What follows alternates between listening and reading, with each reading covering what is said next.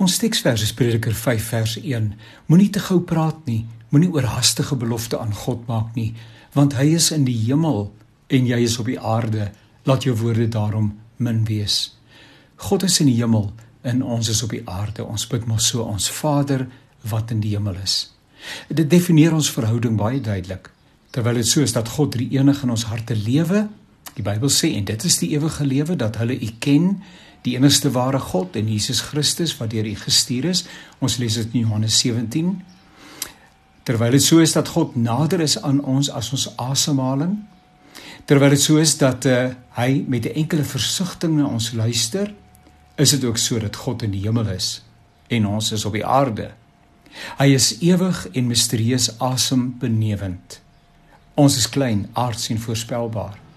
Hy is almagtig, alomteenwoordig, alwetend, alwys. Ons is klein, nietig, weglaatbaar en dikwels dom as strand. Ons dink ons weet, maar ons tas soos blindes in die donker rond. Maar hy weet alles en weet beter. En ten spyte van ons kleinheid en sterflikheid, het hy ons uit onuitspreeklik lief en nooi ons uit tot 'n verhouding met hom. Wanneer 'n mens dus aan hierdie fenominale, merkwaardige wese dink wat homself as die drie-enige God openbaar, dan dwing dit respek en agting af. Hy is nie ons speelmaat nie. Ons kan vriendelik met hom gesels, maar nie familier voorbarig raak nie. Ons behou 'n respekvolle afstand in die sin dat ons hom as die gans andere eer en aanbid. Hy is wie hy sê hy is, God. Ons is wie ons weet ons is, mense. Daar's 'n duidelik kwalitatiewe verskil. Ons is nie minderwaardig nie. God sien nie op ons neer nie, net soveel as wat ons nie op ander mag neersien nie.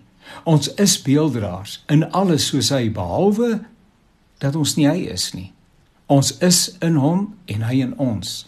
Hy is naby en ver.